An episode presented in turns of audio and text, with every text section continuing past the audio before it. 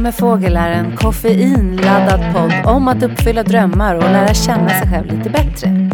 Jag som har den här podden heter Anna Fågel och jobbar som coach, mindfulnessinstruktör, sångerska och producent. Och jag är sjukt nyfiken på hur vi människor fungerar.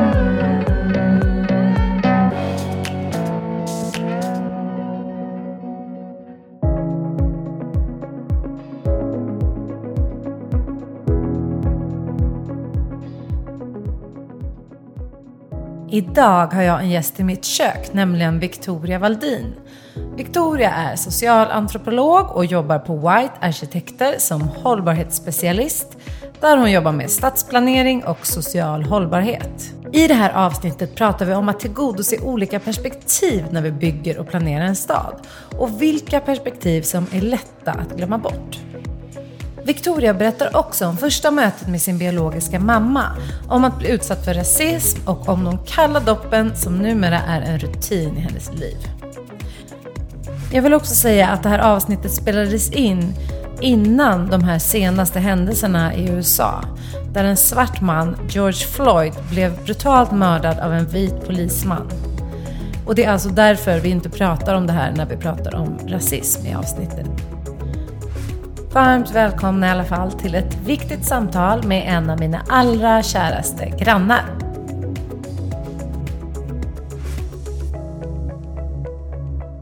Okej, då vill jag säga välkommen till mitt kök, Victoria Valdin. Tack så mycket, kul att vara här. Ja, det är jättekul att vara här. Mm. För att eh, du är både en gäst som jag tycker är rolig att ha, men du är ju också min granne. Ja. Och Eh, jag kom ju på med podden. Det enklaste och lättaste att komma på hade varit att bara göra det precis som vanligt, men göra det via Zoom online. Men jag gick inte riktigt igång på den idén. Så då kom jag på att jag skulle bjuda in människor till mitt kök som jag liksom redan träffar. Och då som bor här i Bagarmossen. Och då kom jag på att eh, dig vill jag ju bjuda in såklart. Gud vad kul, tack. Och eh, först vill jag fråga dig, du jobbar ju som socialantropolog på White Arkitekter. Eh, hur har ditt jobbliv förändrats nu under corona? Det har förändrats ganska mycket. Men jag kan säga att jag är ju antropolog men jobbar som eh, med hållbar stadsplanering, hållbarhetsspecialist eh, med arkitektur och stadsbyggnad. Och just det att jobba med social hållbarhet handlar ju om att träffa människor, observera människor, eh, vara ute och dessutom göra ganska mycket föredrag och utbildningar. Eh, så där kan jag säga att eh, uppdragen försvann ganska sådär eh, på direkten. Men, men eh, if, det har återhämtat sig för att man har kunnat ställa om online. Alla har inte kunnat gjort det, men, men tillräckligt har gjort det. Och sen så på något sätt så känns det ändå hoppfullt Folk verkar tro att det lättas upp, så att istället för att bli av med uppdragen så har de lagts fram till hösten. Eh, och sen så, jag vet inte, folk vande sig ganska snabbt att ha workshops och möten på Zoom och Skype och Teams och allt vad det är. Så det, det, det, går ändå bra. Men jag tycker att det är lite tråkigt för jag vill verkligen träffa folk. Det är skönt att höra i alla fall att omställningen är snabb. Jag mm. tycker det verkar vara så i många branscher att först blev det liksom en paralysering. Ja. Och ingen visste vad man skulle göra och mycket bokades av och det blev liksom som ett vak vakuum. Men att sen många faktiskt ställde om väldigt fort. Det är ganska häftigt att ha sett. Eh, men jag förstår det, jag är ju också en people person så eh, det går inte att ersätta att träffas online och träffas live. Nej, och det är lite sådär, yrkesidentiteten fick sig en törn. Alltså, om jag inte kan göra det här, eh, vem, vem, är jag då? Vad ska jag göra då? Så jag, jag, hade, jag hade en deppperiod faktiskt, men jag har lyft upp mig från den igen. Mm. Hur, hur, lyckades du förhålla dig till det? Att, är det att du tänker då att framåt att det kommer förändras eller vad, vad hittade du för strategi? Men dess, först och främst har jag fått stöd från oerhört många när de märkte i min omgivning eh, Alltså allt ifrån kollegor till eh, kunder eh, verkligen ringde upp och stöttade mig. Bara, Oroa dig inte, du kan det här. Du kan ta dig igenom det här. Vi, du behövs. Eh, och det var ju jättekul att höra. Och sen så började jag se det också, lite efterfrågningar och sånt. Mm. Men så kom jag ju på att mycket av det jag gör är också analys. Eh, det har jag tid för nu. Mm. Jag har haft tid att söka forskningsmedel, det har jag aldrig haft tid mm. till förut. Så jag har haft väldigt mycket att göra i 10-11 år och nu kan jag andas lite. Just det, och ta en period och liksom komma ikapp med det man inte har hunnit. Det har jag hört om väldigt många som har gjort faktiskt. Men vanligtvis då, hur ser, om ni får in ett projekt, mm. för tänker ni ju på konsult eller leverantörssida, mm. alltså ni får väl en beställning, ja. I guess. Eller så liksom skriver vi ett anbud eller är min tävling ja, också det. vanligt. Ja. Hur ser ditt jobb ut då? Det är mycket tidiga skeden i och med att jag ofta tar fram eh, underlag till eh, något som ska bli till. Eh, vad är det som behövs här? Vad säger brukarna, de boende? Och då handlar det ju om dels om att samla in ett material på olika metoder. Det kan ju vara kvalitativa intervjuer, det kan vara kvantitativa intervjuer, fokusgrupper, workshops. Eh, men sen så handlar det om, och jag tror att det där vi är bra eh, man brukar säga att brukarna är experter på sin miljö, men delvis. De har massa input, men du måste ha erfarenhet för att kunna analysera vad det egentligen är man vill ha när alla unga killar säger att de vill ha en konstgräsplan, då blir allt bra. Och kan liksom se att det kanske inte är en konstgräsplan till man behöver, utan liksom fördjupa sig i vad som faktiskt behövs. Men så är det att samordna och vara processstöd till olika viljor, för det är liksom halva, halva problemet, eller halva utmaningen i tidiga skeden. Att man tror att man har samsyn, en kommun, en, en, en eh, fastighetsutvecklare, någon annan intressent på vad som ska göras. Och så visar det sig att det är helt olika idéer, man måste liksom ha samsyn. Och det tar mycket tid och pengar på att gå och tro att man är överens om vart man ska någonstans. Eh, och sen inse ett, två år efter att man har helt olika tankar. Så kan man få samsyn kring det där så fort som möjligt så blir det en smidigare och billigare process. Och det tycker jag också är kul. att liksom leda sådana processer. Mm, det kan jag tänka mig intressant. Och att det också måste vara att man både måste vara bra på att veta när man ska kompromissa mm. och veta när man ska liksom, det här tror vi verkligen på, eller det här vet vi funkar. Mm. För, för jag kan tänka mig att det innebär också en del frustration om ni har erfarenhet av någonting som, som ni ser att men det här perspektivet skulle vi behöva titta på mer eller så. Ja. Men att det inte alltid kanske beställaren förstår det. Så kan det vara ibland. Och ibland är man så arbetsskadad på något sätt att man har gjort liknande projekt så ofta att jag redan ser slutresultatet. Jag skulle kunna hoppa över en del. Eh, men så kan man inte göra. Man måste ju se till att alla har en syn. Men det är väldigt roligt. Jag tror du skulle gilla det jobbet också. Ah, vad kul. Jag ska bara plugga ett antal år först. nej, nej, men det som, jag älskar att jobba med arkitekter. Därför det är så kul. Hade inte jag gjort det, då hade det jag gjort, liksom blivit någon tråkig produkt som sitter i någon skrivbordslåda som mm. ingen läser. Mm. Och istället se det få form och design och bli till och bli till byggnader eller bli till torg. Ja, men det är helt sjukt. Det är, det är som så... att vara en magiker. Liksom, ja. att eh, du skissar upp någonting mentalt och som sen blir... Det är kul kan jag tänka mig. Jättekul. Mm. Och så kan jag säga att många av mina kollegor som är arkitekter har så pass mycket erfarenhet att bara den erfarenheten skulle kanske komma fram till något liknande eller, eller till och med exakt lika resultat kring vad som ska till. Men att ha ett underlag mm. som då vilar sig mot den gruppen man ska utföra någonting för stärker den visionen mm. mycket mer. Och dessutom så finns det inspirerande historier och berättelser, vilket jag, jag tror förbättrar resultaten. Mm. Det är superviktigt. Mm. Jag har ju själv jobbat inom kommun med ungdomsverksamhet mm. och kulturverksamhet. Och jag har ju, du jobbar på kulturskolan? Ja, Kulturcentrum och aggregat i Hallonbergen. Och jag har ju varit med när de har gjort liksom, stora projekt och involverat konstnärer och, och så vidare och pratat med mycket boende. Och jag funderar på, alltså jag tänker så här, när man planerar en stad så ska man tillgodose olika perspektiv. Mm. Är din erfarenhet att det är några perspektiv som oftare glöms bort. Ja, ja, absolut. Det blir ju bättre mm. nu, men det har ju varit så att ofta så har man haft traditionella samråd, det vill säga att kommunen kallar och så dyker det upp några proffstyckare, oftast gubbar, vita gubbar över 50, ja. som får en väldigt stor mm. makt i ja. detaljplanarbete eller översiktsplan eller vad det än kan vara. Mm. eller som driver särintresse kring någon speciell fågel som kanske häckar här var tionde år. Eller så. Och de, de rösterna ska ju också höras.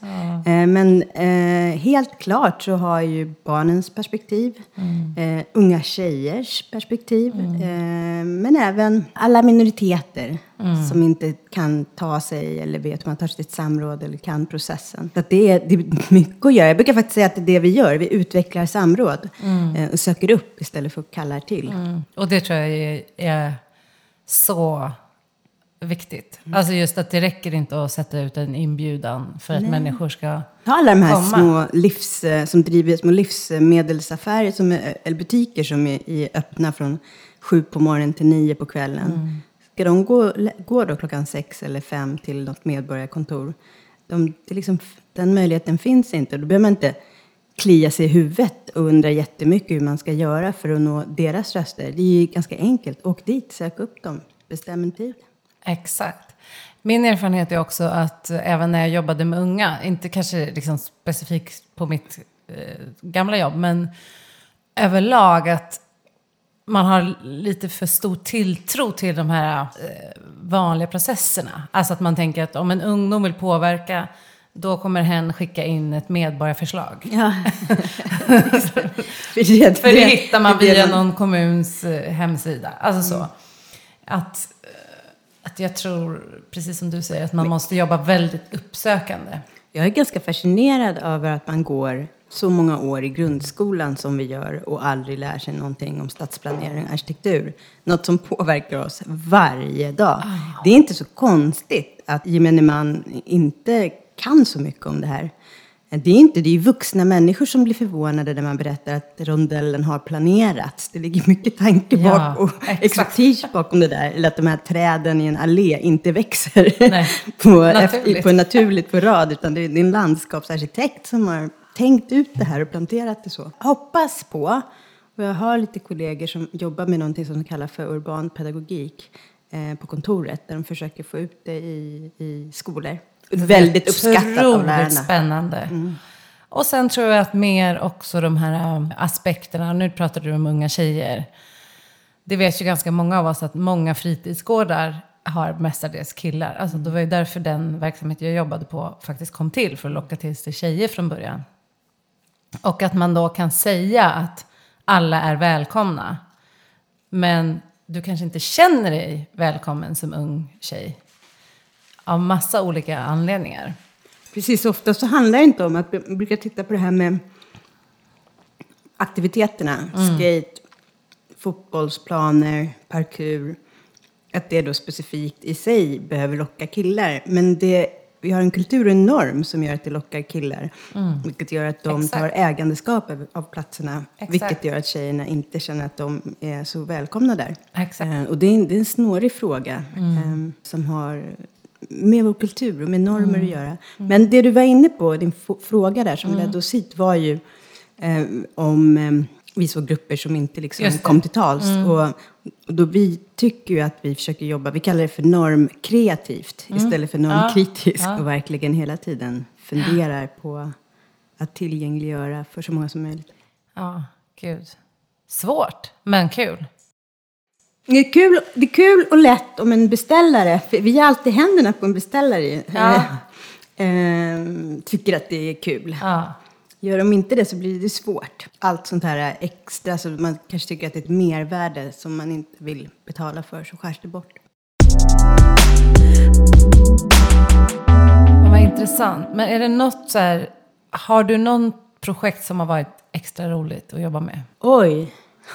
Du har säkert massor. Ja, men jag har massor.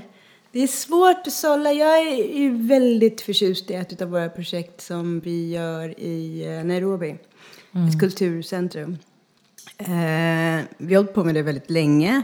Nu är jag inte med så mycket längre för nu har jag kommit ganska långt i ritningar och projektering och sånt. Utan, men i det tidiga skedet så tyckte jag det var så himla kul därför att det var första gången, det var 2010 som vi började med det och det var första gången jag liksom kände att min roll var naturlig och det fanns ett ord för vad jag gör. Jag var en social planner De bara great, finally, Sweden sends a social planner, not another engineer. Nu är det någon som förstår vad vi behöver. Liksom. Vi behöver ta i vår mjuka infrastruktur. Jag var så här, wow! Åh, kul. ja, det var kul. Här fick jag då i alla fall, det här var ju 2010, 2011, liksom presentera om hela tiden vad jag gjorde. Det finns inget namn för det. Nej, vad, vad, vad är... eh, Alltså, du jobbar med social hållbarhet. Men vad är din titel då? Ja, precis. Ja, det, och därför är Vad en står det på antropolog. dina vi- visitkort? Det står antropolog. Ja, det, det gör det. Ja. Ja. Skulle stå Social socialplanerare. och vi, i brist på annat kallar vi oss för SOS-gruppen. Vi som jobbar med, gruppen som jobbar med det här. Vi har- tycker att det är lite roligt Ja. också. Nej, det finns inte riktigt någon eh, bra beteckning för det där än. Men alla har ju engelska titlar nu för tiden i och Mm. för sig. Så du skulle kunna heta social planner. Undrar vad, det, undrar vad det skulle indikera ändå här. Mm. Det kanske inte skulle bli rätt här. Nej. Mm. Eller jag, jag vet inte. Ehm, men det kanske är nästa grej att bita i. Komma Mm. på en bra...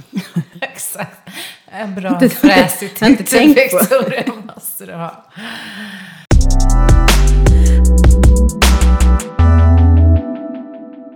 Men okej, så det är ett av favoritprojekten. Har du något drömprojekt i framtiden? Jag har en massa projekt som jag hoppas ska bli av. För att m- många... Mm. Får du prata om, du, kan, du, kan du prata om dem? Ja, men stadsplanering är ju mycket sådär att man, man eh, går och är gravid hela tiden och aldrig får föda. Det tar ju tio år. Jag är ju jättenyfiken Ja, det- på Kirunaflytten till exempel, som var den tävling som vi vann. Och hur, hur, hur den staden kommer bli till. Och jag hoppas att den kommer att bli till så som vi hoppades då när vi gjorde den. Eh, så jag har så projekt som jag fortfarande har i, vad säger man, horisonten. Jag tycker att det är väldigt kul att jobba med landskap och landskaper och torg och offentliga miljöer och sånt som drar sig åt konst och kultur. Jag är intresserad av att titta på hur eh, kultur kan vara en drivande faktor i stadsutveckling. Vad händer när, när näringslivet inte får uppgiften att få igång eh, staden? Alltså det här är ju väldigt mjukt, eh, men också väldigt viktigt. Lärandemiljöer, superintressanta. Eh, högre som, som yngre, allt ifrån förskola till till högskolor och campusmiljöer. Det är ju, du hör ju, det är miljöer där det ska vara mycket folk. Liksom. Det blir så. Jag eh, skulle älska att göra projekt i Etiopien. Allt ifrån eh, kulturdrivna projekt i skolor, lekplatser. Lekplatser är jättekul att göra. Ja, vad kul. Ja. Men vad har då konst och kultur eh, för funktion och liksom i den sociala hållbarheten? Um, förlåt, jag tog en bulle. Ja, men det är en bulle med fågel. Jag ska ta en bulle. Vi kommer sitta och smacka, det är väl det värsta som finns. Men jag gör lite grann.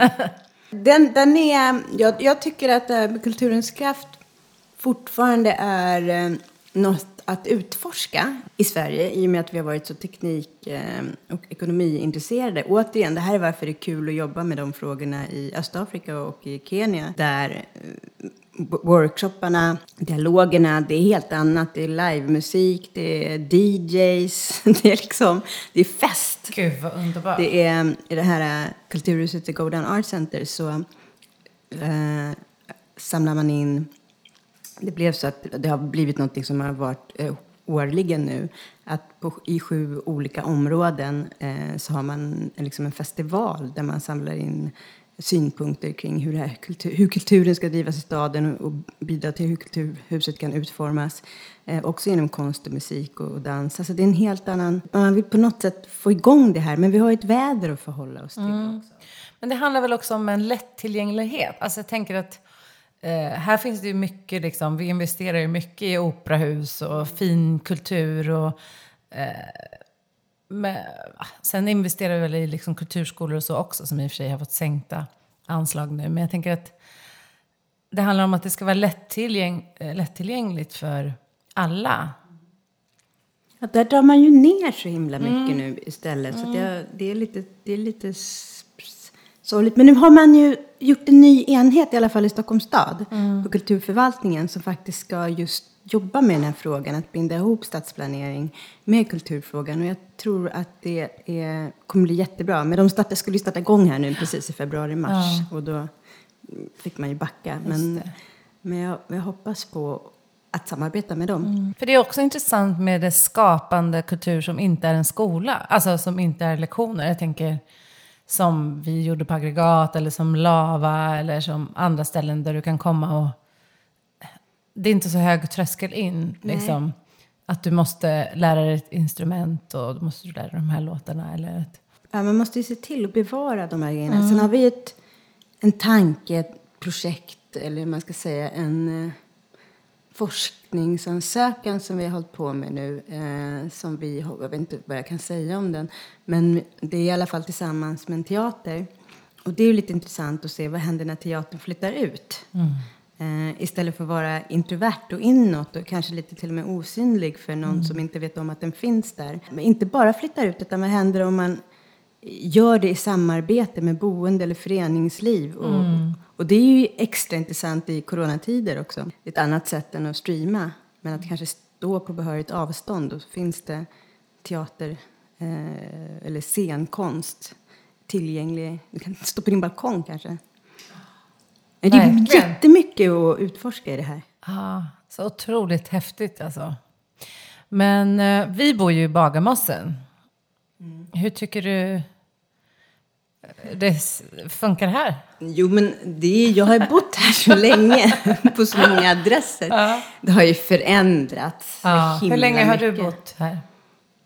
15, 16 år. Ehm, Det var, inte, det var inte populärt liksom att bo här tills för ens... eh, Men och, eh, åtminstone inte här omkring där vi bor. Nej. Så finns det ju andra områden runt här omkring villaområden och radhusområden som är magiska. Ja, det händer ju väldigt mycket eh, på våra torg. Det, har alltid, det, det var så även när det var sparsamt. Vi har haft Afrikadagen till exempel väldigt länge. Det har varit mycket loppmarknader. Men nu när vi fått den här jätteinflyttningen från söder Som jag är skyldig till, men jag är ju inte från Söder från början. Nej, men då har det, det är ju fullkomligt exploderat. Alltså, Ja, det är ju det är fantastiskt. helt otroligt, ja. Det är helt fantastiskt att bo här. Och ha två torg dessutom. Som kan samspela eller battla med varandra. Att det, på somrarna, det är ju sånt folkmyller. Fiket, Lilla Bagis, fantastiskt.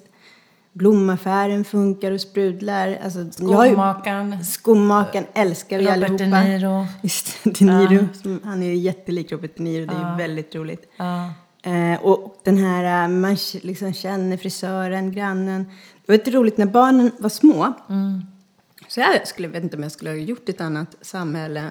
Eh, så i och med att man känner alla som har verksamheter här. Så jag vet inte om min son fyllde sex eller sju eller åtta. Då gjorde jag en gåta. Så att jag bad frisören. Jag sa till alla barnen att ni, ni, liksom, ni kommer få hitta ett pris. Eh, men ni måste plocka upp ledtrådar. Så frisören, skomakaren, de inne på Sherlock Holmes. Alltså barnen sprang in och liksom samlade ledtrådar Ja. hos alla de här. Som man känner så pass bra så att man liksom, de vet vem man är och så kan man involvera dem. Det är, det är lätt att bli stammis här liksom, Ja. på ställena. Så kan jag känna. Och känna sig väldigt välkommen Mm. eh, överallt. Men sen är det ju Söderbysjön, Hellasgården, Nackareservatet. Det är, Gud, jag är ju norrortsbo. Men jag med. Ja, att få, flytta från norrort till söder och trivas så bra, det är helt galet. Men är du uppvuxen i Sollentuna? Ja, Sollentuna. Och du var i Sundbyberg, va? Kista, Solna. Mm. Alltså jag föddes på Kungsholmen, flyttade till Kista, sen till Solna, gick till Tensta gymnasium, eh, hängt jättemycket liksom runt eh, Kista, Husby, Akalla. Sen flyttade till Spanien, sen flyttade till Söder, sen flyttade till Bagis. Ja, men det låter ju som jag. Ja, Jag ska säga, föddes i Addis, i och för sig. Eh, Addis Abeba. Bodde i Edsberg i några år. Sen på Malmvägen i Tureberg väldigt länge. Några svängar till, till Lund, till Svalgången och Stupvägen, Pilvägen, tillbaka till Malmvägen. London, New York, stan Bagarmossen. Ja det var lite samma. Jag har faktiskt också bott på Malmvägen i Sollentuna. Har du det? Ja, det är många som har, har, har du bott i de här ettorna? Ja, min bästis Am- Amina fick ju en lägenhet där som var väl typ 17 kvadrat eller någonting. Jag tror med 19 Ja, kvadratmeter 19 kvadrat. och kokvrå. Ja, och ett kokskåp. Kokskåp, till och med. ja. Eh, och där bodde vi båda ett tag. Vi var väldigt nöjda. Mysigt. Men eh, exakt, så man har ju flyttat runt. Men det var det jag tyckte var intressant med Bagis. För att eh, när vi då skulle flytta från stan igen. Då är det ju vissa som jättegärna vill tillbaks till där de själva vuxit upp. Alltså så naturligt för mig skulle ju vara då att flytta tillbaks till Solna eller eh, Kista eller sådär. Men jag har alltid varit framåt. Alltså jag har alltid varit, tror jag att jag vill liksom... Det är väldigt svårt att gå tillbaka sådär. Eh, så då började vi leta, vart ska vi bo och så här. Då var det just en dag, så här som du beskriver med torget. En vårdag då jag gick här och bara, hmm, ska vi liksom försöka hitta något här eller inte? Då jag kände det här levande torget. För då var det liksom några ungdomar som satt, ungdomar, nu låter jag som en tant. Ja, men okej, några unga människor som satt och lyssnade på musik. Kyrkan hade en konsert. där det De, satt de är bra på att göra där grejer. det satt liksom lite pensionärer och olika människor ute på torget. Och det, och det var, Pingisbordet ute. ja men det var liksom den här känslan av att säga, okej, här lever det. Eh, och och eh, många bostadsområden är ju typ bara bostäder. Och så ett jättedött centrum. Eh, men det här centrumet lever verkligen. Och tror det var det som fick mig att känna att så här, här skulle nog jag kunna trivas. Jag tycker väldigt mycket om det här lokala. Mm. Och småskaliga. Ja, småskaliga och att man kan ha saker lokalt. Man kan gå och ta en kaffe. Alltså, allting finns. Älskar det. Och att det inte är ett inomhuscentrum. Jag tänkte på när jag bodde i Malmvägen. Det var ju småskaligt på sitt sätt. Ja. Jag kommer ihåg på så här 70, eh, 80-talet. I och med att man bodde, det var ett servicehus. Det, bygg, det byggde på en väldigt fin idé om att allting skulle servas. Jag kommer ihåg när jag var liten att allt fanns där. Skolor, bibliotek, bra mataffärer, restauranger, inne i gångarna. Så folk var ju liksom så här benägna att gå ner i tofflor och morgonrock och Just det, handla. det var ju så långa gånger. Gud, det hade jag glömt bort. Ah. Men det skulle vi inte göra här kanske? Eller? Nej. Skulle vi det? Nästan. Är vi nästan där? Gå i morgonrock. Faktiskt har det hänt någon gång, inte att jag gått i morgonrock, men eh, till lyssnarna kan jag säga att vi bor också, både jag och Victoria, väldigt nära affärerna.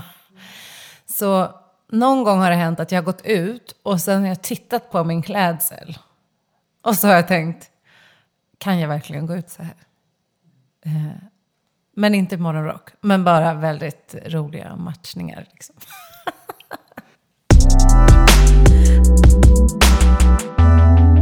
Ja, men det är intressant. För jag tycker att liksom, eh, vart man bor och så, det har med identitet att göra och att man vill känna sig hemma och man vill trivas. Och liksom, nu är det inte alla som har möjlighet att välja var man vill bo. Man kanske hamnar någonstans liksom också. Ja, precis. Men det är intressant tycker jag utifrån att man, jag upplever i alla fall att eh, där man bor, liksom, där man är barn och tonåring, det präglar ens liv så himla mycket. Väldigt mycket. Och det, nu har ju jag tonåringar som är uppvuxna här som inte är så intresserade av att vara här. Nej. De vill, men jag kommer ihåg så var jag ju själv just Ja. i den åldern också.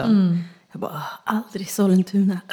Eh, De vill ju till stan eller till, eh, jag vet inte, min dotter hänger mycket i Nacka och ältar de här områdena. Jaså. Det kan vara för att hon går i skola hemma vid Sjöstad. Det är helt främmande för mig. Jag är fortfarande norrort så att jag inte, jag har inte lärt mig söderort. Jag Nej. kan bagis, men jag kan inte så mycket mer. Ja, men just det, det är intressant. Men det är också att man växer upp och man vill bort från där man växer upp kanske. Jag tycker det skulle vara kul att prata, nu har vi pratat en del om ditt jobb och städer och identitet. Ja, som jag skulle kunna prata jättemycket om för jag tycker det är så spännande. Just så här, en stad och hur den skapas och hur människorna hittar hem och eh, får plats där liksom. Men jag vill ju prata lite mer om dig nu. För den här podden handlar ju mycket om både uppfylla drömmar och lära känna sig själv. Och jag vet att du hade en dröm. Och det var ju, du är adopterad från Etiopien. Och du har haft en dröm länge att träffa din eh, mamma. Ja, eller hitta något biologiskt. Ja. eh, eh, någonting. Liksom. Ja. Och för några år sedan så gjorde du det. Ja, det, det, det är två år sedan exakt. Kan du berätta hur det var? Mm, nej men det är ju, eh, jag har ju alltid vetat såklart att jag, jag, jag vet inte när jag fick veta att jag var adopterad, men det har ju varit med hela tiden. I och med att eh, färg, färg och så. Och att jag vet att jag var väl ung när jag frågade mamma om det där. Eh, så jag har väl sen jag var 15 i alla fall börjat få lite, så här, lite handlingar och börja utforska lite. Och sen tagit ett steg tillbaka. Så här, man får veta en grej. Eh, så har det kan varit övermäktigt nästan, bara få veta ett namn. Jag fick veta för och efternamn när jag var 15. Det var så här, ah, herregud, hon har ett namn. Det här är hennes namn. Liksom. Det var på din mamma då? Ja. Eh, papperna, på papperna så finns det ingen pappa. Nej, just det. Ehm, nej men så att det, det, det, det har tagit tid. Så jag hann ju bli 29 innan jag åkte dit. Och faktiskt bara, nej men nu tar jag tag i det här. Och det här är ju liksom innan Facebook och innan sociala medier. Så att det var ju verkligen, det handlar om att åka och vara på plats och leta.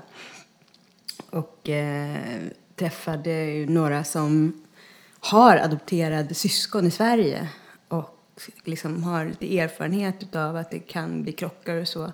Och blev vän med dem och de har hjälpt mig eh, år efter år utan liksom någonting. Sen eh, när jag fick barn blev det ännu mer så här, hmm, gud, nu vill jag verkligen veta något. Men fick stå tillbaka, så jag kommer ihåg när jag fyllde 40 så var jag så här, nej men nu gör jag ett sista chans. För nu, nu vem den är, de kanske är så gamla, men det kanske finns syskon, jag vet inte. Jag, jag ger en chans till och då gick jag ut i radio och grejer i Etiopien. Ingenting. Och sen för två år sedan så tänkte jag så här, ah, jag provar 23andMe. Är det Som är sån DNA? här- DNA. Eh, dels för att jag kanske mest egentligen, jag hade nästan gett upp hoppet om att hitta något då, men att, att jag var mm, mer kanske nyfiken på mm, vad jag hade för ja, men sjukdomar och sånt helt enkelt. Så du hade inte så stort hopp om att det skulle liksom ge information om några släktingar eller så? Nej, lite såna, lite såna ursprungs... Man hade ju sett så här, eh, lite reklamer om att någon som är från Frankrike visar sig att den var så här mycket skandinav och den bara Ja. wow, oh my god. I didn't know. Det tyckte jag var lite roligt också. Och se om- ja, ja, men se liksom Ja. vad jag hade för någon bas i mig. Ja. Då fanns det ju den här liksom, då, om du vill, en box som man tickar på. Att om du vill se om andra har ditt DNA som har gjort de här testerna Mm. också vill, vill, vill veta, veta, veta vilka det är. Så jag klickade ju bara på den. Och då rasslade det till den när, när det kom tillbaka. Och då var det ju inga så här, första kusiner. Men sysslingar och liksom tredje kusiner. Jag vet inte vad allt sånt där heter. Men och det var i USA. Eh, och dels så kan man ju tänka sig att det inte är jättemånga i Etiopien som gör de där testerna. Så det, det är väl klart. Men då började jag liksom söka där. Och då hittade jag en, en man som är någon form av släkt till mig. eh, Någon tremänning eller något. Vars fru blev jätteengagerad i det här. De här är i USA då? Ja, de är i USA.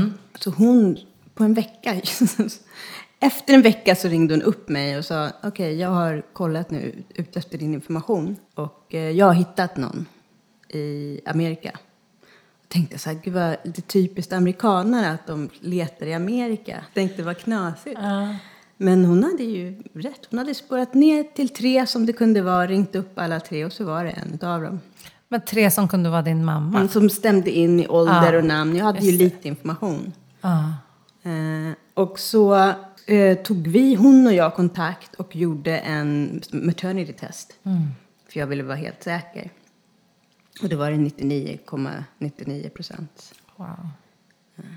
Och då, då var jag, ja det var ju chockartat nästan. För att det har, gått, det har gått så lång tid.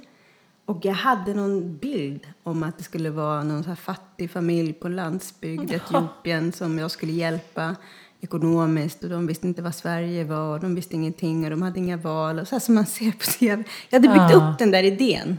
Otroligt att du ha- hade gjort det. Ja, och det är en så här hyfsat välbärgad familj i Boston. Ah. Det blir helt fel för mig. Men okej, liksom, vi har ju kontakt och vi träffades ju. Vi var i Etiopien tillsammans förra året och hälsade på min mormor då. Men hur ofta är hon i Etiopien? Vartannat år. Okej, så hon har fortfarande mycket kontakt med Etiopien och åker dit. Så ni träffades där. Hur var det mötet? Nej, märkligt. Jag, har, jag vet inte om jag har... Jag bearbetar nog det fortfarande. Ja. Därför att... För ni har haft kontakt, typ chattat eller pratat Ja, vi har telefon? chattat och pratat eller- telefon. Ja. Hon hör ju av sig ofta. Ses i början hörde hon av sig väldigt ofta. Jag fick lugna ner henne lite grann. Eh, så nu kanske vi hörs eller chattas någon gång i veckan eller någon, ett par gånger i månaden i alla fall. Men jag vet inte riktigt vad jag ska göra. För att hon blev väldigt översvallande. Sådär. Glad och grät och... Jag, jag kunde inte riktigt förhålla mig till alltihopa. Så att jag var... Jag väntar fortfarande på någon slags reaktion. Jag tror att jag, att jag har blivit förvirrad i att de är i USA. Jag har inte liksom vant mig vid det än. Att de är utbildade och att de vet vad Sverige är. Att de visste att jag var i Sverige. Det, det är mycket så här som jag kanske... Jag hade inte förväntat mig det. Jag håller fortfarande på att förs- försöka förstå det samtidigt som jag försöker lära känna henne. Ja, på- gud, såklart det kan ta sätt. väldigt lång tid att, att bearbeta, tänker jag. Eller hur? Ja. Inte så konstigt. Men, eh, men det är ju fantastiskt. Det är ju helt otroligt. Eh, Jag har ju två yngre bröder. Som Har du bra- träffat dem? Ja. Var de också med i Etiopien? ja, de var med i Etiopien. Men de pratat om att komma hit.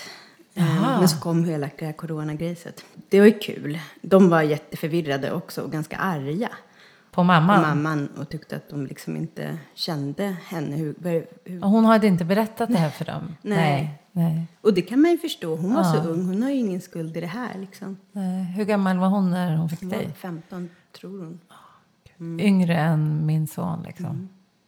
Men hon var ju bara ett barn. Och hade inget val. Hon känns ju ganska jämnårig med mig också, måste jag säga. Hon känns ju ganska Ja, men det ung. kan jag tänka mig. Man har ju många kompisar som är 15 år äldre, liksom. Ja. Ehm, och glad. Och väldigt etiopisk i sin västerländska, amerikanska del. Men eh, vi, ska ju, vi åker ju, planen är, vi får väl se hur allt blir, att vi åker eh, till Etiopien i januari igen och träffas och åker och hälsar på en, hennes mamma. Då. Det blir någon så här, kallar de för mormon och mamman. Du har ju din mamma och din mormor. Precis. Och här är... Mormor och mamman. Nej, men det måste vara intressant och just det där som du säger att man bygger upp en bild. När man inte, har, när man inte vet så bygger man ju upp en bild. Alltså för det är man kan inte inte ha någon bild. Så att man skapar väl en bild och en berättelse av vem den här människan ska vara. Precis. Och så är det någonting helt Det finns ju annat. så många fördelar med det där. Att hon pratar engelska. Ja, ja. vi kan verkligen prata. Alltså det finns ju... Det finns ju otroliga fördelar. Men det är ju inte kärlek vid första ögonkastet. För mig i alla fall. Det, det kommer ta tid. Jag vet inte Ja. var det kommer landa. Jag fick ett råd en gång från en, en nära vän där i Etiopien. Han sa... Släpp inte, vänd inte ryggen, släpp inte kontakten. Utan håll kontakten med den du får bäst anknytning till. Och det fick jag till mormor. Aha. Det var för att, kanske för att hon var den där bilden som jag trodde. Hon Ja. bor där på landsbygden. Inte på Ah. landsbygden, men lite utanför Addis. Och lever det där livet. Och en liksom gullig tant insvept i sin nattala. Har ni egen kontakt med mormor? Nej, vi har inte det, men vi fick en oerhört fin kontakt när jag var där. Ja, där liksom dunkade hjärtat till lite grann. Ja. Hon tog nöp tag i mig. Hon tog ett nyptag mellan tummen och pekfingret, liksom här nere på, inte vad det här kallas. Och så släpper hon runt för mig. Nyptaget. Och vi var ganska lika. Mamman och jag är inte heller lika. Utseendemässigt? Nej, inte alls. Hon är Nej. ganska lik min dotter, men inte mig. Men eh, mormor och jag var lika. Jag vet inte om det också har betydelse. Kan det vara så att man längtar efter någon man är lik? Det kan vara så. Första gången jag, när jag fick hennes bilder var jag så nej, men det, inte- det här är inte en chans. Nej. kan inte vara min mamma. Nej, och sen gjorde du en i Så testen. en- Ja. ja. Okej. Du kan inte se någonting av dig i Nej, henne ingenting. liksom? Nej. Men jag ser min dotter helt Ja. klart. Men är det någonting i det som är skönt att liksom veta? Jo, men det är jätteskönt. Och jag tror att det var också... Den biten blev klar. Att i, vad jag egentligen tror jag undrar var, vad hände? Och vad hände? Hon var ung. ung och gravid. Liksom. Och gravid. Ja, och det var, passade inte. Var hon inte gift eller? Liksom, nej, nej. Hon, inte, nej. hon var ju, skulle plugga liksom. Mm. Hennes, våran morbror tog hand om henne. Eh, och han var lite, hade någon uppsatt position. Mm. Var hon inte gift säger jag. Jag hoppas hon inte var gift om hon var 15. Nej, nej, nej. Men alltså hon var ung och gravid och... Eh, Hon visste inte om att hon var gravid, Nej. säger hon. Eh, in i det sista. Men... ehm, så hon, hon var chockad, liksom. mm, Eh, men... Eh, nej, så hon fick ju liksom inte behålla. Det passar sig inte. Det kan ju bli så att man blir utkastad, helt enkelt. Ehm, så det fanns ju lite såna alternativ som jag har förstått att det... det för det tänker man på som adopterad. Eh, Jag är med i en adoptionsförening där vi pratar mycket om såna här grejer. Men liksom, det här fanns det, fanns det andra att det här med, men just på 70-talet att det var så självklart att det bästa för barnen var ju att de skulle komma till västvärlden. Eh, Och där skulle allt bli bra. Och vi kan ju då som har växt upp och, och i efterhand upplevt mycket rasism. Till exempel på nära håll, kanske till och med inom släkt och familj. Eh, har inte jag det, men det finns ju de som har det. Eh, men an, rasism liksom varje dag, inte varje dag, men i vardagen, eh, vare sig den är strukturerad eller inte. Och har inte fått vara... Vi är inte invandrare, men vi får ju den behandlingen. Därför känner vi oss som invandrare. Många känner sig som invandrare. Alltså det, är en Ja, väldigt exakt. komplicerad identitet. Då eh, kan man ju spekulera i massor. Som Mm. till exempel, fanns det inte bättre alternativ på plats? Mm. Är det inte bäst att det tas om hand först och främst? Men i mitt fall så tror inte jag att det hade funnits. Jag, så det känns skönt. Jag vet vad som hände och jag tror att jag kom hit till den familjen som jag kom var det bästa som kunde ha hänt Mm. mig. Och, och där känner jag att jag egoistiskt kanske nog är lite färdig med det hela. Men, och då känner jag, får jag dåligt samvete gentemot familjen då. Att hon, hon har ju fått tillbaka sitt barn. Liksom. Just det. Men samtidigt, du är vuxen och Mm. det är ju inte samma sak. Nej, det är ju inte det. Alltså, eh, Men tänk henne, jag tänker Jag på förstår hennes henne. dåliga samvete. Liksom. Hon måste ju, jag har sagt det till henne så många gånger. Ha inget dåligt samvete. Eh, det blev bra. Eh, och liksom, du, du har ingen skuld i det här. Du var jätteliten. Hon bara gråter och gråter väldigt mycket. Jag men är det som att henne. hon kanske vill, alltså att upplever du att hon vill gottgöra då? Ja. Att hon lämnade dig? Lite grann, ibland. Ibland. Och sen när vi var i Etiopien ville hon väldigt mycket ha mig för sig själv. Och jag, förstod, jag förstår väl det på något sätt. Hon vill komma med goda råd. Sådär. Nu är det okej, nu har vi känt varandra i två år. Men första veckan så skulle hon ge så här livsråd. Berätta vad du ska göra med mitt liv. Ungefär. Ja, ja, men gud, spännande ändå. Och inte helt okomplicerat förstår jag. Nej, nej. Och ändå ganska sådär... äh, Nej men livs... Alltså vad säger man? Jag... Eh, man kan ju tycka att det här är sorgligt. Det kan vara jättesvårt för kanske till och med en majoritet. Nu kanske det är så att jag är så analytiskt liksom, tränad att jag, att jag kan backa ifrån det där och börja så här, hmm, se det på ett annat sätt. Mm, du går inte in i det känslomässiga. Nej, på gott och ont. Ja. Jag tycker själv att det är intressant på något sätt. Hur man reagerar, hur vi reagerar. Jag försöker se på henne, vad är, vad är chock, vad är trauma, vad är kultur, vad är förväntningar. Vad förväntar hon att jag liksom har förväntningar på henne? Det, det är jättemycket, jättemycket. Jag kan inte gå ifrån, i regel kan jag är arbetsskadad kanske. Och skyddad också kanske. Det är lättare att gå in i den Jag rollen. är glad att jag var gammal, eller att jag var så pass gammal som jag är. Jag, vad hade jag gjort om jag var 15 eller 20 med det här? Ja. Då kanske det blir jätteanklagande eller jätte...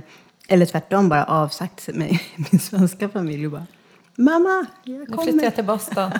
ja, men man vet, det är väl så i sådana här livsomvälvande situationer att man inte vet hur man ska reagera. Vad är biologi? Vad är det sociala? Vilka Ja, ja. skyldigheter har man i det där? Hur var det nu med pappan? Mm. Stämmer det? Liksom.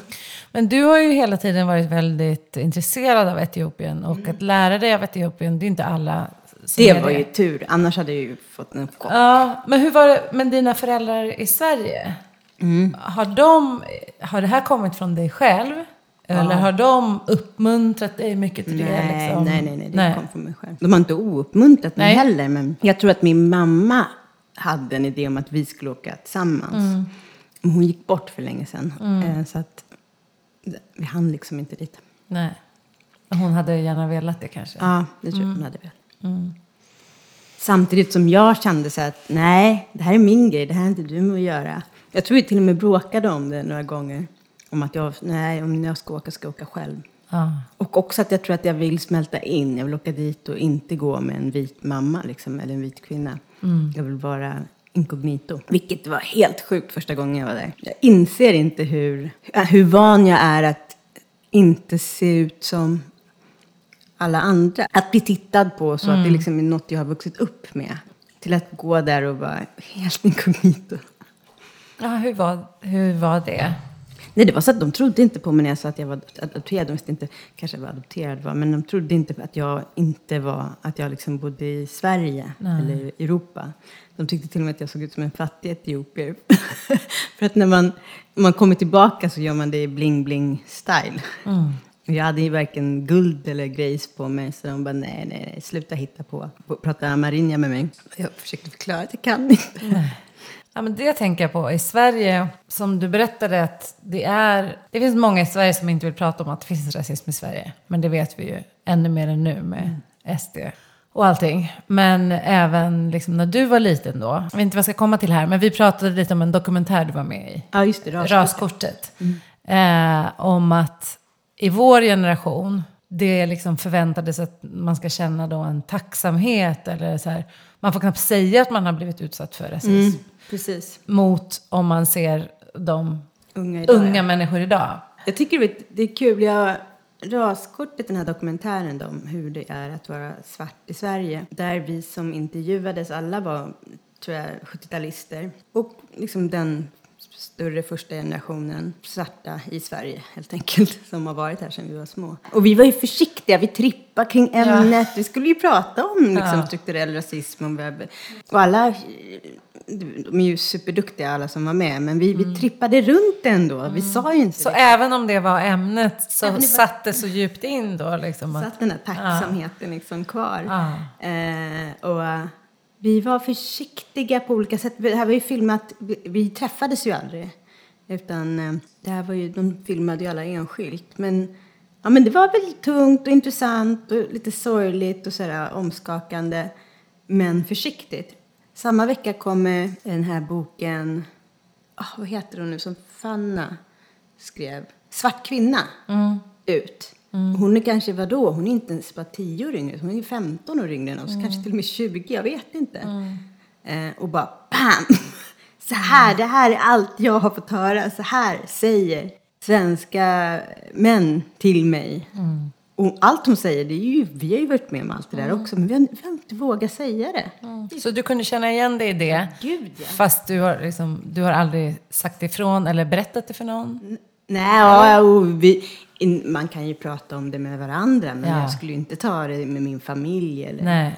Med någon. Därför att det blir så jobbigt, de orkar inte. De vill inte veta det, de vill inte höra det här. Rasism är alltid svårt att prata om, därför att självbilden här är att den inte finns. Exakt, och det är det som är så hemskt. Och det blir svårt att prata om det Det då. blir svårt att prata om det och det är svårt också för att det är så himla...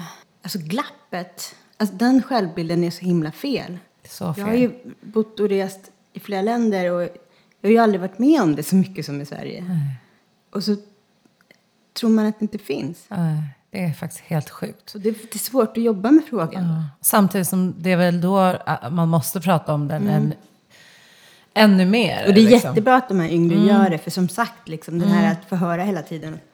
Och gud, alltså speciellt efter eh, We Are The World, Etiopien, 83 eller om det var 85.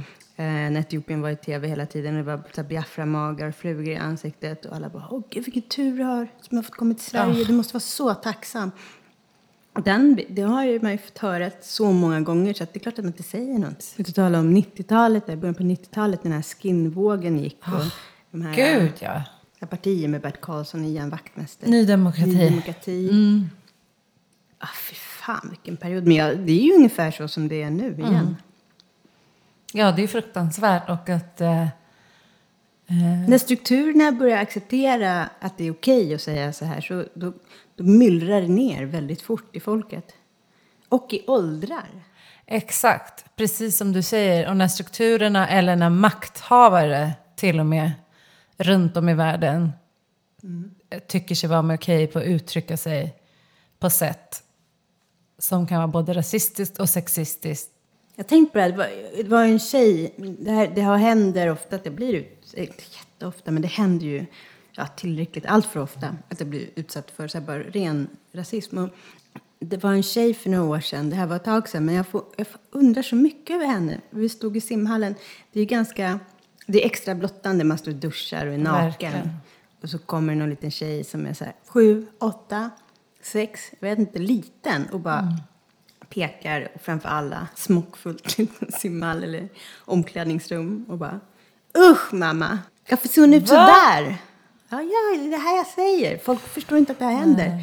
Varför ser hon ut så där? Och mamman bara, håller väl på att dö liksom. Bara, hon bara, så där vill jag aldrig se ut. Eh, och då, man är så jävla naken och, barn, försvarslös. liksom. Och ett barn, var får, var får hon det ifrån? Ja, exakt. Och då går man tillbaka till den här docktestet kring de här barnen som också visades i raskortet. Det Ja, inleds just ju med. Kring två identiska dockor, en brun, en vit. Vilken väljer man? Och även inklusive dem. Att man, vilken är sötast? Och det är den vita. Även de svarta barnen säger att den sö- söta är vitast. Ja, för det har de blivit matade med. Man blir matad i det. Det är ju, herregud. Var det, i och för sig, The Cosby Show Fame kom ju ungefär samtidigt. Det var ju i stort sett första gången man så såg svarta på tv. Och det var ju en otrolig grej. Men sen så var det ju Cosby och Fame i väldigt många år. Men Det, var, det kanske fortfarande är de två. Ja, men nu finns det Fresh på... Prince. Ja, just det. Fresh Prince i Bel-Air kom no- några år senare. Men sen alla de här Friends och allt man har vuxit upp med. Det har aldrig varit några svarta. Jag tänkte Nej. på det nu. Det var min dotter som påpekade det. För jag gillar Modern Family väldigt mycket. Hon bara, "Mamma, har du tänkt på att ni, det här ska liksom vara den moderna familjen i USA och ingen är svart? Hur är det Nej. möjligt? Inte ens deras kompisar. Det finns väl någon kompis som dyker upp då och då. Men det är därför representation är så alltså otroligt, otroligt eh, viktig. Överallt. Jo, och sen så är det klart, vi bor i Sverige. Vad ska man förvänta sig? Jag vet inte. Det är liksom... Det är klart att det är i Etiopien. Det är ju tidningarna och reklam. Det ser helt annorlunda ut. Men kan du inte ändå tänka, för att jag tänker du är uppvuxen, jag är uppvuxen i, jag är uppvuxen i Kista, jag har gått i Tensta gymnasium, där har man ju varit uppvuxen med att det blir en mångfald som blir normen. Alltså av, Men så har jag ju också Ja. vuxit upp på Malmvägen. ja, av olika kulturer, av olika religioner. Och man ganska tidigt förstår att så här, ja, men olika familjer, det kan vara allt från olika mat till att man firar olika högtider. Att man liksom ser att det är massa människor med olika perspektiv. Men sen, eh, tycker jag i alla fall, eh, vad jag har känt, så har jag vuxit upp. Sen har jag sett så här, ju mer jag är i yrkeslivet så hamnar jag oftare i miljöer där det inte är så många olikheter representerade. Och då kan jag tycka så här, men det, är- det är ju inte för att vi i Sverige inte har det. Alltså, nej, nej, men precis. Vi har ju en struktur som exkluderar det. Ja, exakt. Och det är ju tydligt. Men så tyckte jag ju också Mm. att jag fick nästan en chock när jag började eh, gymnasieskolan i Rudbeck Mm. i Sollentuna. Nu ser det ju helt annorlunda ut, men på den tiden, det var ju så här, vi var tre, fyra stycken. Så. Ja. Det var inte många. Nej. Nej, är, och så, från det så blir det bara färre och färre liksom. Ah. Nej, men jag- Universitetet. Nu ser det, ser det lite annorlunda ut. Men sen tror jag nu är det också, jag är jätteglad för alla, för nu känns det som det finns många som jobbar väldigt medvetet med eh, representation och liksom att få in olika perspektiv. Eh, och även faktiskt utifrån så företagens perspektiv. Att nå olika människor. alla vinner på det. Liksom. Ja, men verkligen. Det, Ja, känns som att det har hänt det någonting, hänt- att det finns Det. Det många som i alla fall Men jobbar inte för det. tillräckligt kanske. Inte alls ibland. För- tillräckligt. Och det kan jag inte uppleva så mycket genom mig själv. Men som barnen, jag har ju barn, inte båda, men speciellt en av dem reflekterar över det där jättemycket. Mm. Och allt hon får höra. Alla konstigheter, Inte liksom, diskussioner som pågår. Och, eh, hon brukar säga att hon orkar inte vara... Hon har ett uttryck för det där. Ras... uppfostraren. Eller hon, det finns sådana uttryck som, hon- som Ja, att hon är den som alltid ska säga behöva till förklara folk. Ja, och säga exakt. till. Och hon bara, jag orkar inte vara den här Nej. personen hela tiden. Nej, det kanske man inte orkar. Mm. Ja. Nej, så mer, mer behöver göras. Helt klart.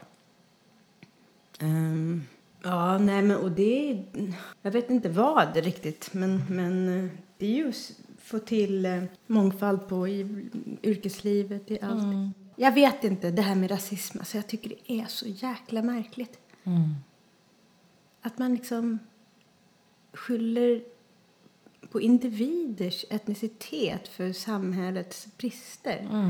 Det, är så, det går inte ihop. Jag tycker det är läskigt. Och det, då kan man känna så att det verkligen grundar sig i någon genuin hat. Liksom.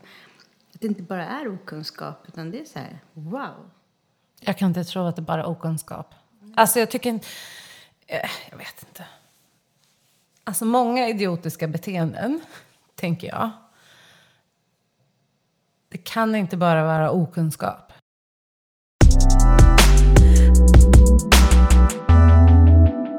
Jag tänkte mig när jag var, när jag var, mindre och liksom fick skrivet på näsan att jag är bättre än dig för att jag är vit. Och man liksom tar till sig det och tror att det är klart att det är så. Det är klart att inte jag blir bjuden på det där kalaset. Det, det är klart att man leker, leker man sanning eller konke så kan inte jag vara med. Därför att blir det en kram eller en kyss då, eller puss eller vad det var då och, och, men, så att man visste så här, ja, nu är det sanning eller konke. Och För att bespara dem att liksom inte behöva säga till mig att jag inte får vara med. Så kunde jag ju bara gå och sätta mig någon annanstans. Jag gick ju nämligen inte i skolan Malmvägen. Nej. Jag gick i ettan till sexan i en annan skola. Eh, närmare Töjnan. Som gjorde att det såg mycket annorlunda ut där än vad det gjorde sen när jag kom ner till Turebergsskolan.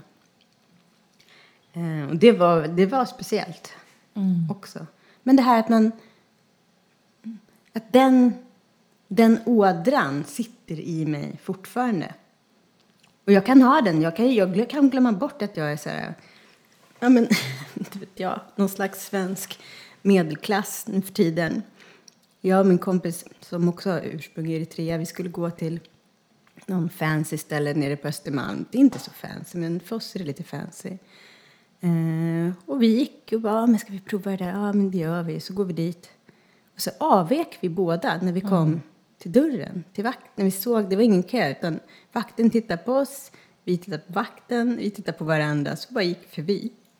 Men var det då för att då Nej, och det här är alltså kände ni som förra att året. Vi ni inte skulle vara nej, välkomna? Vi inte välkomna där. Det bara kändes. Det bara satt i någonstans. Vi fick gå runt hörnet och bara, vad fan hände? Fan, nej, jag vet inte vad som hände. Vi väntade in vår svenska kompis för att sen gå med, med henne. Alltså, hur kan det sitta, hur kan vi fortfarande känna så? Det präglar en oerhört. Jag är så ledsen faktiskt att du och många av mina andra vänner har fått utstå det. Ja, ja det, det är verkligen... Jag tror att det har gjort mycket med hur vi mår. Och det finns liksom ingen intelligens i världen som kan påverka den känslan, alltså den eh, nedvärderingen som man, man eh, får och växer upp med. Som också kan leda till destruktivitet på olika sätt.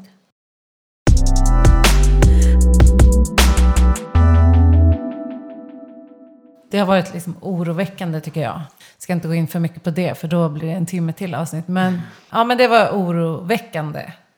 Det politiska läget. Verkligen. Och inte åt, åt rätt håll. Men jag vill liksom hoppas att det finns tillräckligt med andra krafter också. Eller det måste ju finnas det. Ja.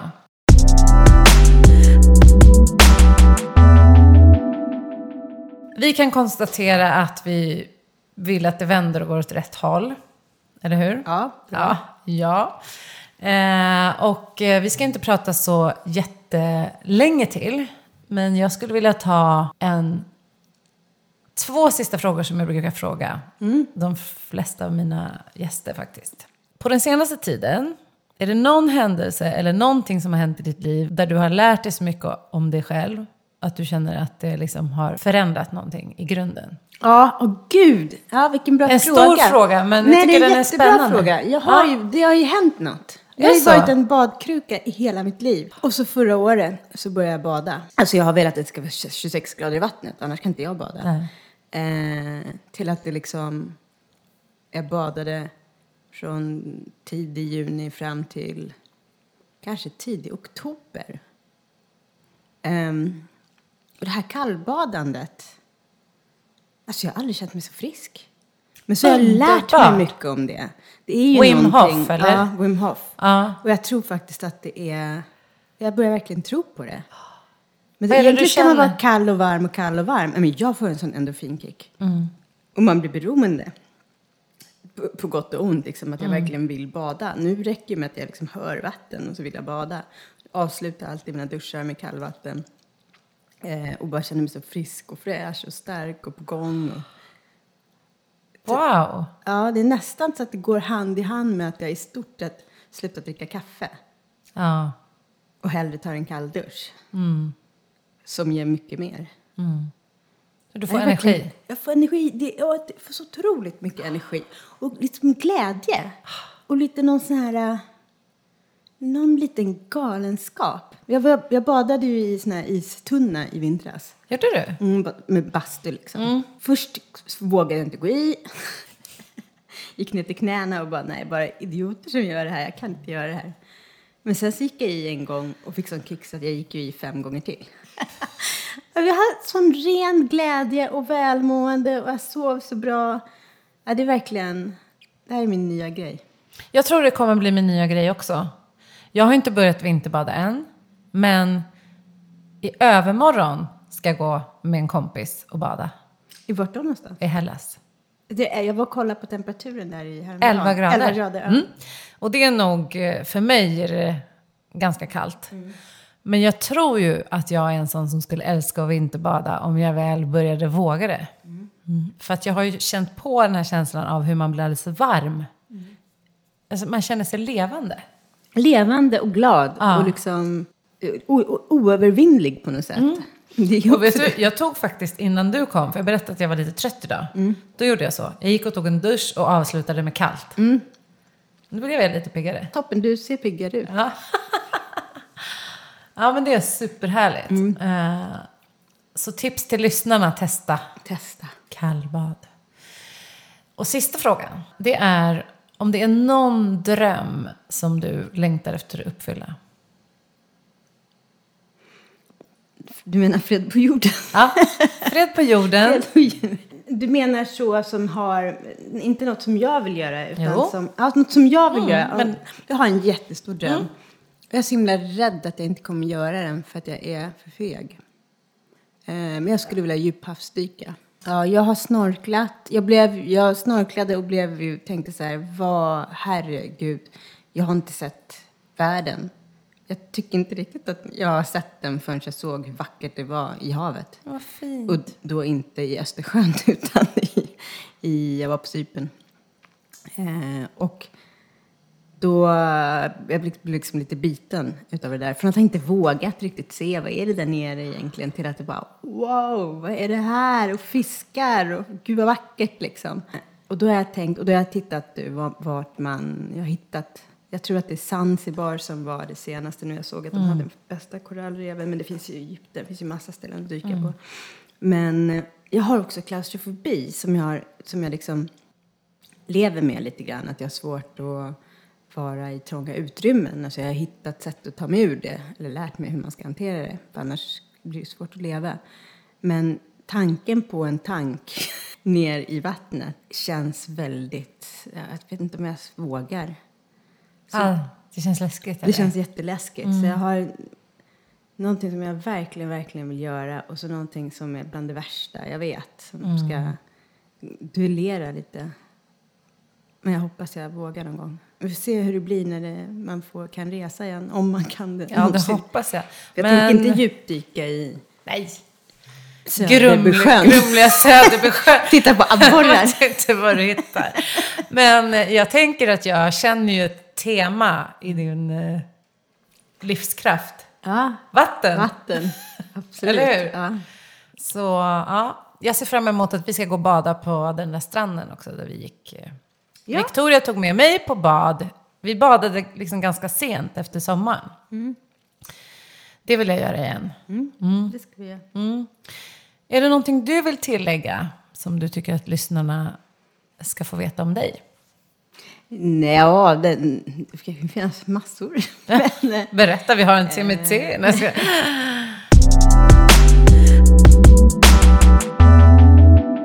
jag har vissa omkring mig som kan tycka att det är patetiskt. Och det struntar jag i. Men jag lyssnar jättemycket på såna här självhjälps... Alla möjliga. Allt man kan, högt och lågt. Det är det som har fått mig att bada.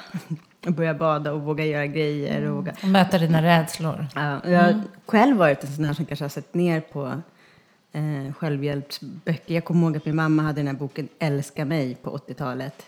Älska dig, äl, älska dig själv. Det var den första självhjälpsboken Jag läste. Wayne Dyer. Ja, och jag jag- älskar honom. Ja, jag, bara tänkte, ah, fy fan vad töntigt. Hon Jag måste- fick den av min måste mamma. ju veta, hur hon ska, det här måste man ju bara kunna. Jag gick omkring och var så väldigt länge, Ja. men, men nu har jag gjort det till en del av mitt liv. Att hitta gurus i det mesta, men kanske mest i naturen och havet och skogen så, men även i andra, hos andra. Så det är någonting jag rekommenderar. Är det någon speciell bok eller podd? Nej, det eller? skäms jag för att säga. Det var inte. Så, det är så här, så, hittar jag- så långt det? har du inte kommit i din utveckling. Eh, ja, men ingen speciell, utan eh, ni får hitta era egna. Mm. Det var ett jättebra tips. Och det, det tror jag är ett bra tips. Min erfarenhet av böcker och kanske självhjälpsböcker som jag också har läst tusentals. Det är just att du ser någon som liksom talar till dig. Mm. Eller hur? Just där du befinner dig. Det är helt otroligt. Ja, så ser man, det är det här jag behöver just nu. Bra tips Victoria. Då tänkte jag att vi ska säga, jag ska tacka dig så mycket för att du kom hit till mitt kök. Tack själv. Och vi tackar lyssnarna. Tack, tack. Hej då då. Hej då. Hej då. Hej.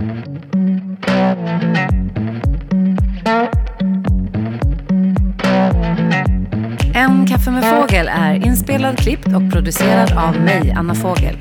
Följ gärna podden på Instagram, att en kaffe med fågel. Vill du komma i kontakt med mig för kurser, coaching eller andra samarbeten? Kontakta gärna mig på www.byannafogel.se anna.byannafogel.se eller gå in på Facebook med samma namn. Ha det fint! Tack för att du lyssnar. Hej då!